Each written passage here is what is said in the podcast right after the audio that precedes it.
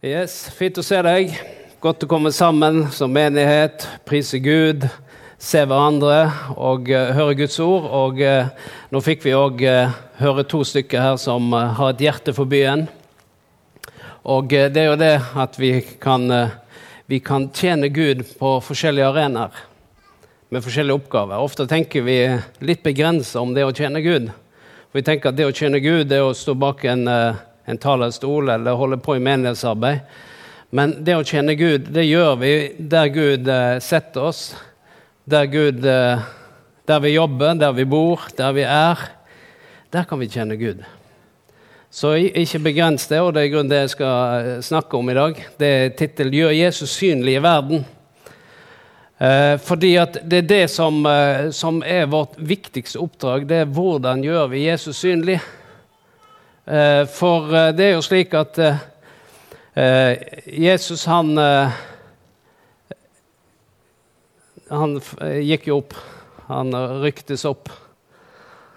Så han er jo ikke synlig i verden lenger, er han det? Nei, han er ikke det. Og derfor er det det at, Men han lot oss være igjen. Så sa han at dere er mine disipler. Og så vil han at vi skal gjøre han synlig gjennom våre liv. Så eh, Jesus han eh, sa følgende i Johannes 17, vers 18. Det er det eneste verset jeg kommer til å lese i dag, tror jeg. Har ett til. Kanskje det dukker opp òg. Men eh, det er alltid sånn når noen preker, så er det viktig at i hvert fall har ett bibelord. Sant? Sånn at ikke du blir anklaget etterpå. Han leste ikke fra Bibelen. Så dette her er min bibel i dag. Jeg har skrevet ut bibelverset. Jeg kunne stått her med Bibelen, men jeg gjorde ikke det. Jeg har Bibelen inne her òg, i mange språk. Forskjellige oversettelser. Engelsk, eh, norsk, samisk. Det er forskjellige oversettelser. Du kan velge sjøl. Men jeg kunne hatt det, men nå har jeg ikke det i dag. Men jeg har skrevet dette ordet ned her, og så skal vi lese det sammen. Forresten, har du Bibelen med deg? Hvilken bibel har du? Få se hvilken bibel du har. Der har vi noen som har uh, ja, det er én på samisk. Og ellers så Så fint.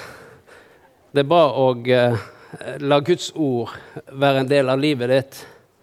Og eh, det kan skje på to måter. Det er at vi har Guds ord i permene, eller på dataen eller på mobilen. Men det er det når vi tar til oss Guds ord, så blir det en del av oss. Og det er enda sterkere når Guds ord blir en del av oss.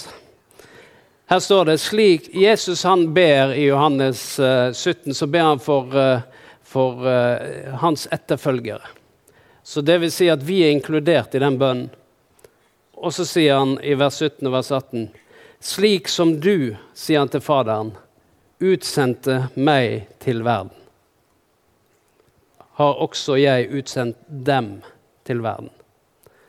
Så det Jesus ber her, det er at himmelske Far på samme måte som du sendte meg fra himmelen og ut i verden, så har du sendt disse, dem, ut til verden. Og eh, hva, var Jesus, hva var det Gud gjorde når han sendte Gud til verden? Han gjorde plutselig Guds rike synlig. Ved at han steg ned, Jesus Kristus, så vil vi bli kjent med hvem Gud er. For en hadde en kjennskap til Gud på avstand. En hadde et forhold til Gud på avstand. Han dukka opp av og til i lyn og torden på fjellet. Forskjellige under og tegn gjennom profetene, gjennom kongene, så, gjorde, så de Guds hånd stadig vekk. Men plutselig så steg Gud selv ned. Og så kom han midt iblant oss. Og så gjorde han Jesus Gud synlig, Guds rike synlig, ved at han helbreder de syke, strekker seg ut med barmhjertighet. Og eh, til slutt så døde han på et kors, og sa han, 'Jeg tar all verdens synd på meg'. Og eh, før han eh, avslutta eh, alt her på jorden, så, og, og han døde og sto opp og kom tilbake igjen, så sang vi her eh, siste sangen at han tok bolig i oss. For det var det som skjedde. Når vi tar imot Jesus Kristus, så tar han bolig i oss. Han flytter inn og blir en del av våre liv. Og eh, det at han flytter inn og tar bolig i oss ved Den hellige ånd, det betyr at Kristus selv går med deg overalt. Han er med oss overalt der vi er. Og så sa Jesus noe. Han sa noe om hvordan vi skulle leve. Og så ga han oss to enkle ting. Så sa han dere skal være lys, og dere skal være salt i verden. Det er jo enkelt å huske 'vær lys og salt'. Det er mye annet vi òg skal være. Men altså, i verden så skal det være lys, og så skal det være salt. Og så er spørsmålet hvilken livsstil kan lys og salt bety? Det må jo bety at uh, verden ligger i mørket. For det sier jo Bibelen. At denne verden ligger i mørket. Og uh, når noe ligger i mørket, da legger du merke til lyset med en gang. Og det Jesus ber oss om, det er å leve vårt liv slik at lyset vårt skinner. Slik at lyset vårt er synlig. Dvs. Si at livet vårt peker på Han.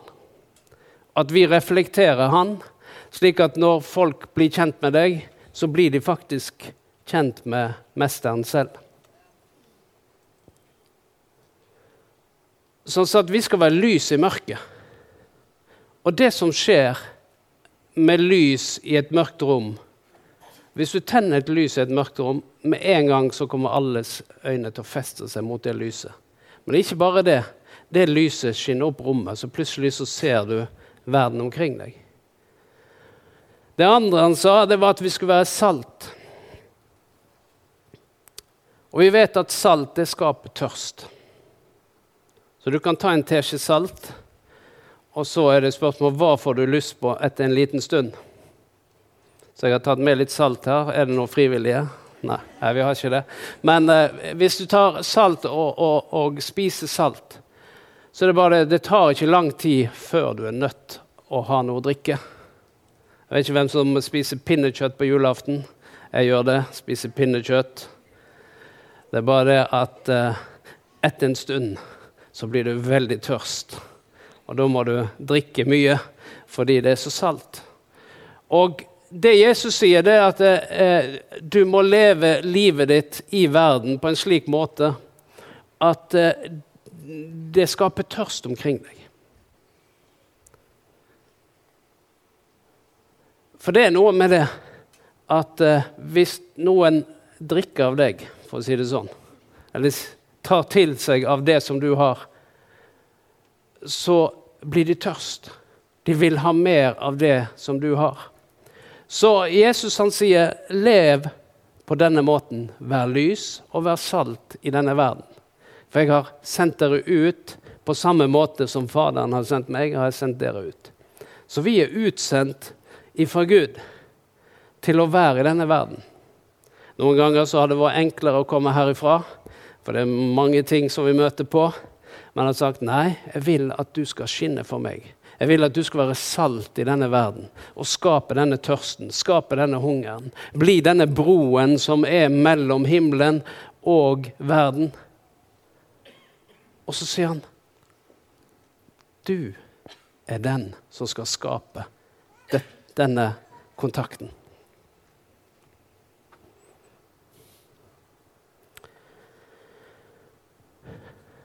Han har tatt bolig i oss. Hvordan skjedde det? Jo, det var at vi ble Guds barn. Vi tok imot Jesus Kristus, og da flytta han inn. Han flytta inn med hele seg. Med alt det han er, med alt det han har. Og eh, eh vi, vi, vi, vi, sier at vi, ble Guds barn, sier vi. Og eh, vi sier jo det sjøl eh, innimellom. Eh, og eh, men noen ganger så føler jeg liksom dette med Guds barn det virker så forsiktig og så lite. Ja, jeg ble et Guds barn. Så hodet på skakke. Og så jeg ble et Guds barn. Jeg er et Guds barn. Det er liksom noe sånn forsiktig over det. Men eh, eh, det som er, det er at vi er Guds sønner og Guds døtre. Det virker litt mer kraftfullt, det å være sønn og datter. Du vet hvem du er sønn av. Nei, jeg vet ikke det. Ok, det, Men du vet hvem du, i hvert fall hvem din mor er. Det er du helt sikker på. Men i hvert fall én ting er at vi vet hvem som er våre mødre og fedre, hvem som er min mor, hvem som er min far. Det vet vi. Og vi har fått del av det DNA-et som uh, ligger i våre arvestoffer. Og det kan være også slik at du kan bevise hvem som er din far, og hvem som er din mor. Du kan ta sånne tester. Og Noen blir helt forvirra av disse testene fordi at de, de er så og så mye prosent av en eller annen rundt omkring i verden. Så de tenker liksom å, jeg har litt av det og litt av det og litt av det og litt av det. Jeg er halvt norsk og halvt svensk. og det, det er alt, alt mulig som dette her blir sammensatt av, så de kan finne ut. Men det de finner ut, de vet hvem som er din mor, og hvem som er din far. Det finner de ut. Og det er det at eh, Gud han la ned arvestoff, sine arvestoffer i, i oss når han flytta inn. Så plutselig fikk vi del av det som han hadde. Og det er det som er Du måler ikke det på blodprøven. De kan ikke ta noen test på det. Men det kommer ut av livet vårt som lys og som salt. Fordi at plutselig så bærer vi han med oss. Så når de kommer i berøring med deg, så kommer de i berøring med han. Og så møter vi han overalt. Eller de møter han overalt fordi de møter deg. Og eh, vi representerer derfor Gud i denne verden. Uansett hvor vi er, hva vi holder på med. Om jeg står her som predikant, eller du er politiker, eller du er businessmann, du er lærer, uansett hva du holder på med, så er det slik at uh, vi representerer Han. Og 1. Johannes, nå kom det ett vers til, 4,17. Det sier at for som Han er, slik er vi i denne verden.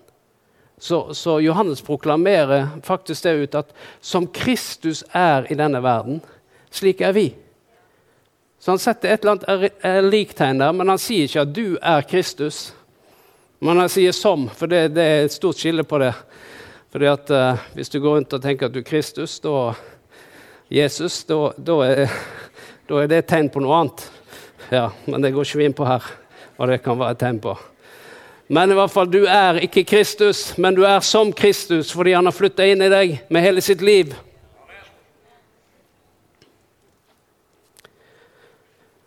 Og hvis vi er som han i denne verden, så må det bety at Kristi nærvær kan være merkbart på en eller annen måte. At folk legger merke til det. Og jeg tror at folk legger mye mer merke til deg enn du er klar over. Men det betinger én ting. Det er at du er lys og salt.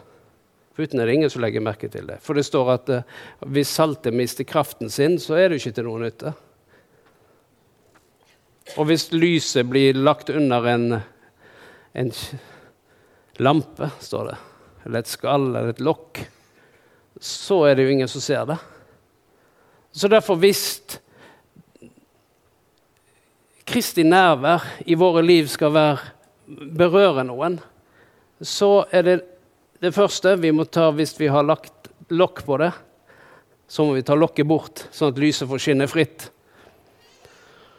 Og eh, hvis saltet mister kraft, så må vi putte på litt mer salt. Men det, det er tre ting som berører vårt liv før berører, vi berører andres liv. Så Det første er at lyset skinner, at saltet har sin virkning. Men så skjer det noe med våre liv. Det er tre ting det er at det skjer medynk, bønn og handling. De tre tingene For folk merker om du bryr deg. Om du har hjerte for det, om du er ekte. Fordi at medynk, det handler om nød i hjertet. Nød for folk, for by og for land. Det er noe når en har nød i hjertet, det står om Jesus at da han så folkemengden, ble han fullt av medynk, medfølelse. He was moved by compassion, står det på engelsk. Det var noe som traff han når han så folkene. Det står at uh, de var, uh, de var uh, forlatt og uten hyrde. Men det var noe dette som rørte han. Han fikk medynk. Og det andre som skjer, det er at det som rører hjertet vårt, det kommer til uttrykk gjennom bønnene våre. Så derfor mange ganger så kan du måle gjennom dine bønner hva hjertet ditt er opptatt av. For det kommer ut. Det er det du ber for. Det er faktisk det som berører hjertet vårt. Så hvis du har en nød i hjertet, så kommer det til uttrykk gjennom måten vi ber for, eller hvem vi ber for, eller hva vi ber for. Og eh, når hjertet Når det er nød i hjertet og bønn, så er det på et eller annet tidspunkt så fører det til en handling. Det at jeg må gjøre noe med det. For denne nøden den bringer deg til en plass hvor du tenker jeg ønsker å være en som skaper forandring. Det er det jeg syns er flott med Marita og Joel her som var framme. At uh, det fins en nød i hjertet. Og jeg tror de ber for byen vår. Men de gjør mer enn, mer, enn det. De sier OK, hva, hvordan kan jeg betjene byen? Gjennom det som Gud har kalt meg til. Som Joel sa, at uh, han kjenner det på, som, uh, som, et kall å være politiker. Og, og Joel han har deltatt i politiske diskusjoner helt siden han lærte å snakke. Så det har vært hele hans liv. Han var liksom deltatt etter. Så, så det at, at, han nå begynner som 17-åring i politikken, det er, han kunne begynt for lenge siden. Det er det som er Men i hvert fall, det som berører hjertet, det berører bønnene våre, men det fører også til handlinger i våre liv. Og Derfor så er det slik at når vi sier at vi har nød for noen ting, men vi aldri ber for det, da har du ikke nød for det. Det er det som er sannheten. Jeg er litt hard. Jeg har sagt det sjøl, så jeg tenkte liksom Ja, men du ber jo ikke for det. Nei, men det er fordi at eh, kanskje vi forveksler nød med kanskje litt dårlig samvittighet. Noen ganger så får vi dårlig samvittighet fordi vi ikke har gjort noe for noen som vi burde ha gjort, kanskje. Og så kjenner vi på ja, men Men dårlig samvittighet, vet du hvem du ber for da? Du ber bare for deg sjøl. Fordi du har, du har, dårlig samvittighet, en har forbedømmelse, og hele bønnen den kretser seg om Gud, gi meg kraft, gi meg det, gi meg det, gi meg det. Plutselig er du i sentrum for hele bønneopplegget. Det er ingen andre som slipper til der. For du er jo selv opptatt med alle dine egne følelser. Fordømmelsen, alt du burde gjort som du ikke gjorde. Å, Gud, tilgi meg. Så da er det det. Men vi skal komme forbi det stadiet. Det er òg et del av stadiet vårt. Det er At vi er innom der, hele gjengen. Innom den eh, runden der. Men vi skal videre derfra. Og så skal vi si, Gud, jeg vil at du skal berøre meg med den nøden som berørte deg når du så folket. Da sto det at eh, da han så folket, ble han Det var noe som kom over han, det var noen som berørte hjertet. Og så sier han noe etterpå så sier han det. Dere må be høstens herre om å sende arbeidere ut til høsten. Så den nøden den kobler han til bønn med en gang. Han sa jeg kjenner nød, og vi må be om at høstens herre driver arbeidere ut til høsten, for høsten er moden. Og jeg tror at høsten er moden. Jeg tror høsten i Bergen er mer moden enn vi aner. Det er bare sånn det er. At vi det fins nød i denne byen. Stor nød i denne byen. Jobber du på sykehus, så er du i berøring med det. Ole Bjørn i rettsapparatet, du er i berøring med nøden i byen. I politikken så er du i berøring med nøden i byen. På Kaffe Lasarus er du en berøring med nøden i byen. Det fins en nød i byen. Og det fins et rop som er synlig, og så fins det et rop som ikke er synlig. Ofte er det det at vi legger merke til de som roper, men de som ikke har en røst, er det ingen som legger merke til. Så det er tre ting som skjer når vi sier 'jeg vil være lys og salt', og Kristus bor i meg. Hvordan kan dette nærværet berøre den verden som jeg eh, befinner meg i? Og Da er det sånn at det, det fins nød, medynk, bønn og handling, har jeg skrevet. Nød i hjertet, som kommer til uttrykk i bønnene, og som fører til at du tar kontakt med noen, eller hjelper noen. Eller setter deg sjøl i en posisjon hvor du sier, 'Herre, bruk meg'. Det er jo slik at uh, når Kristus kommer i berøring med noen, så skjer det alltid en forandring i det menneskets liv. Noen ganger skjer det momentant, andre ganger så setter det i gang noen ting som fører til en endring lenger fram. Vi vet ikke på forhånd hvordan dette ser ut. Men det er alltid slik at uh, når nød i våre hjerter berører noen andre, så berører det òg deres hjerte. Og uh, når Jesus gikk omkring, så, så, viste han noen eksempel. Fordi at Jesus han, var, han gikk rett på han mange ganger. På folk. Og eh, når han begynte å kalle sine disipler, så var det første han gjorde, det var å finne noen fiskere. Noen arbeidere i Kapernaum. De stemte Arbeiderpartiet og Senterpartiet. Så de var, det var der de var. Og eh, Jesus kom der. Og så eh, er det jo sånn at Måten Jesus får deres oppmerksomhet på, det er at han gjør et økonomisk under i deres liv. De har ikke fått fisk hele natten. Og så eh, sier han ja, men eh, gjør det en gang til. OK, når du sier det, så skal vi gjøre det. Kan være han hadde gjort noe under, at ryktet hadde eh, gått om at han karen der han gjør under. Så OK, siden Jesus sier det, så gjør vi det. Så de får ut igjen. Fikk så mye fisk at de måtte eh, kalle på noen andre båter. Og en av de båtene var det en som heter Jakob og en som heter Johannes. Og de dro opp så mye fisk at de hadde aldri hatt slik suksess i sin yrkeskarriere. Og, eh,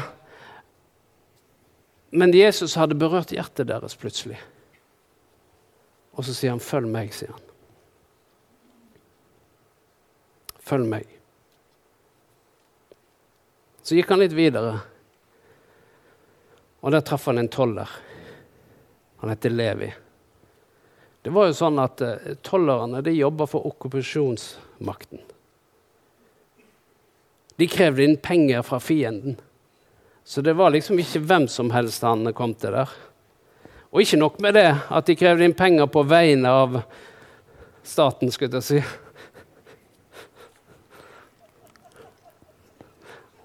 Det var en litt annen statsmakt enn det. De var okkupert på den tiden av romerne. Så på vegne av romerne så samla de inn penger. Og ikke nok med det, de tok alltid mer enn det de skulle ha. For de måtte jo tjene penger, de òg. Så de, eh, ofte så presser de folk for penger og, og sa at ja, må ikke du betale ekstra, så kommer de til å angi deg til romerne og si at du betaler ikke skatt. Og så, dermed så hadde de mye makt. Og denne karen går Jesus bort til. Så Jesus han kommer og møter disse på jobben. Fiskerne møtte han på jobben. Levi var på jobb. Levi han ble da Matteus, som har skrevet Matteusevangeliet. Så uh, han fikk en skikkelig omvendelse, den eh, tolleren. Og det var jo sånn at eh, Vi snakker om syndere, men i begrepet der så var det tollere og syndere. Det vil si at de var ikke bare syndere, de var også tollere. Om det var bedre eller verre, det var faktisk verre fordi de tjente ok okkupasjonsmakten, og de var uærlige. Så du har tollere og syndere. Og, så, og det er et begrep du finner igjen. Og Det var jo negativt da at Jesus var tollere og synderes venn. I, I, visse kretser, de kristne kristne på den tiden, så var det noe negativt. Det er nesten sånn i dag òg. Men i hvert fall så, så eh, er det jo slik at Jesus kom der på jobben, oppsøkte de på jobben. Og så møtte han fiskerne. og så rørte han ved hjertet deres. Så kom han til Levi tolleren, som ble Matteus, som skrev Matteusevangeliet. Og så var det noe som rørte hjertet hans. Men det fantes forskjellige typer eh, tollere. Det fantes noen overtollere, og de var som regel veldig rike. Og En dag så kom det en overtoller på møtet. Han het Sakkeus, og han var veldig rik. Han satte seg på galleriet. Sant? Det er det du, når du ikke vil at folk skal se deg, der er det mørkt, det er litt avstand. Eh, så setter du deg på galleriet lengst bak. Så han satt på galleriet bak der, og Jesus kom. og... Eh, men Jesus han så jo han satt der. han. Så han sier, 'Sakkeus, kom hit ned, for jeg vil hjem til deg.' Så han er jo mer frimodig enn det vi er noen gang. At når pleier du å si 'hallo, eh, jeg har lyst til å besøke deg hjemme'? Det er jo så norsk som det går an. 'Jeg kommer hjem til deg'. Sant? Det er jo sånn, det må jo Da det fram med kalenderen og se liksom passer det sånn og sånn. Og spontane besøk de er ofte de mest suksessfulle. De blir i hvert fall noe av, som regel. Men i hvert fall så, eh, så, så kom han dit. Og eh, Men det som skjedde, det var at eh, han møtte ikke bare Sakkeus der hjemme. Fordi at Sakkeus inviterte kretsen sin. Og den kretsen, hva tror du den bestod av? Den bestod av tollere og syndere. Det er jo det. Er du toller og synder, så har du en vennekrets. Og det er tollere og syndere. Er du fotballspiller, så har du en vennekrets. Det er fotballspillere. Er du musiker, har du en vennekrets. Det er musikere. Det er bare sånn det er. Er du politiker, så har du en vennekrets. Det er politikere. Og Derfor så inviterte han hele vennekretsen sin. Det gjorde Levi òg. Når han fant ut ok, Jesus kom hjem til meg. Kom, kom, Jesus. Det var jo noe stort at Jesus kom på besøk hjem der. Så da inviterte han huset fullt. Så står det at eh, når, når eh, middagen var ferdig, så fulgte alle Jesus. De fulgte han.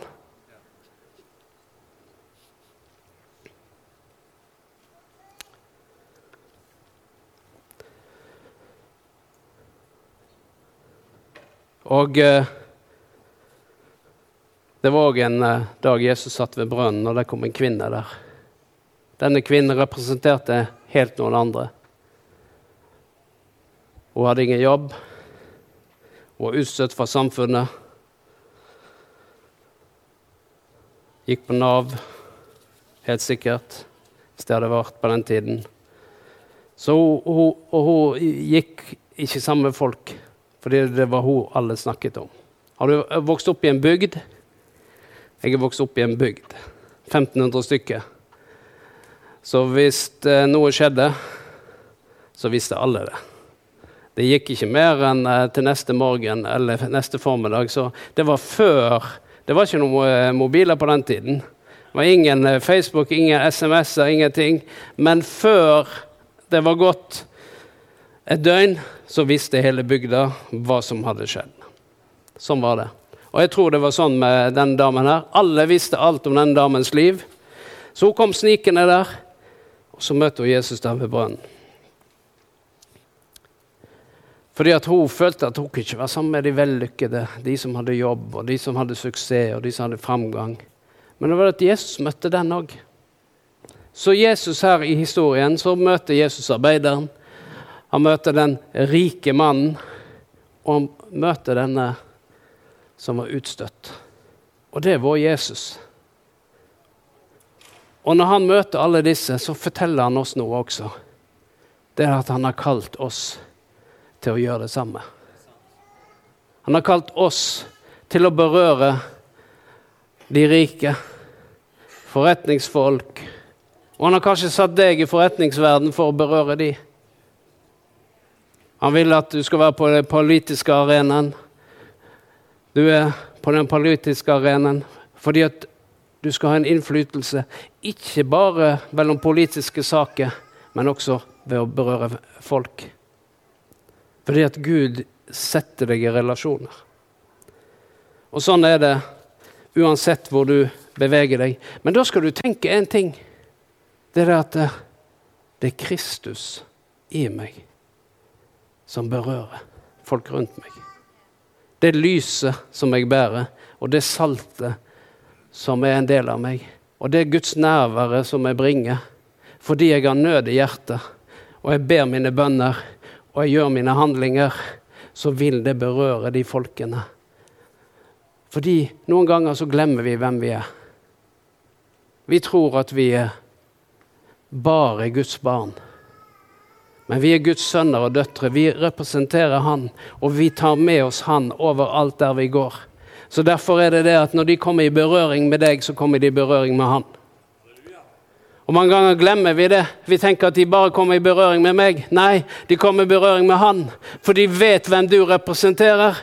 Men hvis du tar det under et lokk, så ikke lyset skinner, da er det ingen som vet. Det er derfor du skal ta bort lokket og tydelig si 'Nei, jeg er en troende, jeg er en kristen'.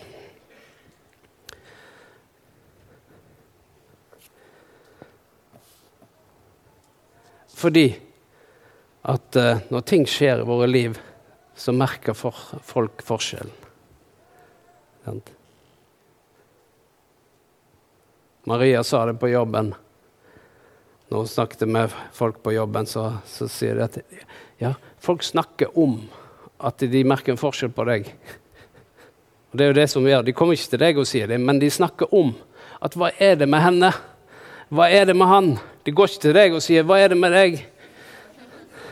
Men de snakker med sine kolleger de snakker med dem om hva er det med han, hva er det med henne. Og da bør det helst være noe positivt. ikke sant?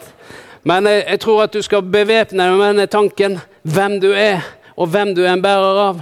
Og at når du berører noen, så berører du dem med Guds nærvær. Når du ber for noen, så tar du Guds nærvær med deg dit.